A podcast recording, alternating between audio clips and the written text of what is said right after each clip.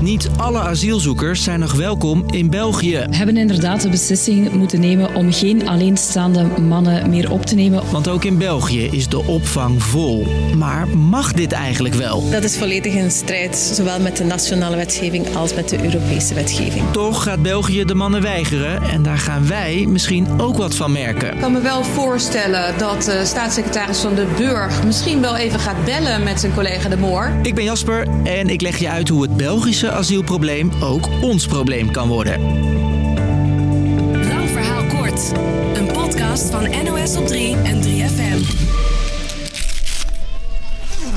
Dit is wat de staatssecretaris in België niet wil. Ik wil absoluut vermijden dat er deze winter gezinnen met kinderen op straat terechtkomen. Ook in België zitten vrijwel alle opvangplekken vol. Wat we vandaag vaststellen is dat er opnieuw een toename is van het aantal mensen dat hier bij ons toekomt, vooral van de gezinnen met kinderen. En dus zegt de staatssecretaris: voorlopig moeten alleenstaande mannen ergens anders een plek zoeken.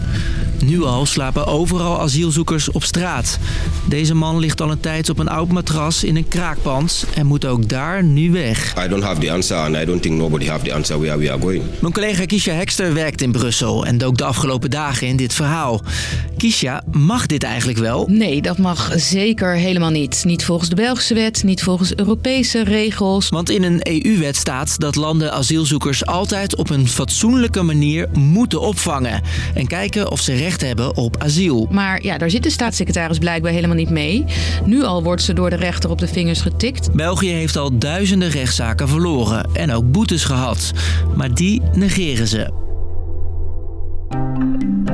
De kans dat België de plannen gewoon doorzet is dus groot. Ik zou hopen van niet, maar ik ben bang van wel. Dat zegt migratieonderzoeker Carolus Schutters in Eén Vandaag. België is namelijk niet het eerste land dat die migratieregels negeert. Zo worden in Griekenland boten met migranten terug de zee opgeduwd. We landed on the island.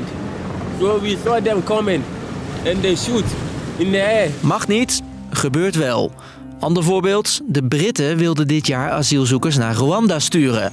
Zij zaten zelfs al in een vliegtuig toen de Europese rechter zei... ja, dat gaan we dus niet doen, want Rwanda is geen veilig alternatief. Due to last minute interventions by the European Court of Human Rights, all migrants have been removed from the plane. Ook Nederland is al een paar keer op de vingers getikt door de EU, omdat de migratieregels hier in strijd zijn met Europese afspraken. Ook vond de hoogste bestuursrechter van ons land dat de regering asielzoekers niet mag verbieden om hun familie hier naartoe te halen. En op het moment dat je het bij één lidstaat toestaat, er niks aan doet, zal er een reactie zijn van ach, we komen hiermee weg. En dat is dus eigenlijk het onderliggende probleem.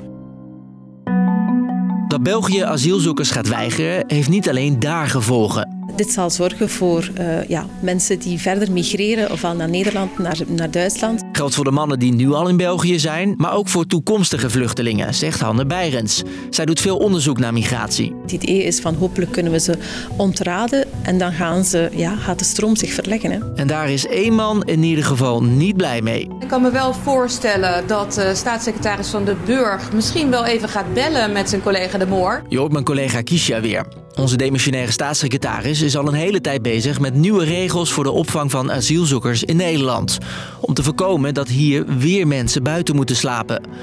Die opvang blijkt best lastig, dus op nog meer asielzoekers zit hij niet te wachten. Ik kan me voorstellen dat het laatste woord er in ieder geval uh, zeker nog niet over gezegd is. Toch is het volgens migratie-expert Gutus de vraag of deze Belgische regels mensen echt afschrikt. Alsof vluchtelingen een, een, gids hebben. Ach, waar zullen we vandaag weer eens naartoe ja. vluchten? Dat bestaat niet. Hij denkt dat de maatregel vooral leidt tot minder opvangplekken. Wat er wel gebeurt is dat men geen voldoende middelen beschikbaar stelt, of niet voldoende middelen beschikbaar stelt, voor het realiseren van die opvang. En zegt, nou, dan laten we ze maar in de kou staan. Ja. En dan zien we wel waar het schip strandt. Het is dus afwachten of deze regel echt wat gaat veranderen. Dus, lang verhaal kort. België gaat alleenstaande mannen die asiel aanvragen voorlopig geen plek geven in de opvang. Omdat deze al vol zijn en de staatssecretaris gezinnen met kinderen voorrang wil geven. Mannen uitsluiten mag helemaal niet, maar daar heeft België geen boodschap aan. Onze zuidenburen schenden de migratieregels wel vaker, net als wij en vele andere landen trouwens. En de kans bestaat dat hierdoor meer vluchtelingen naar Nederland komen. Was de podcast weer voor nu. Morgen weer een nieuwe aflevering in je app. En bedankt voor het luisteren. Doei!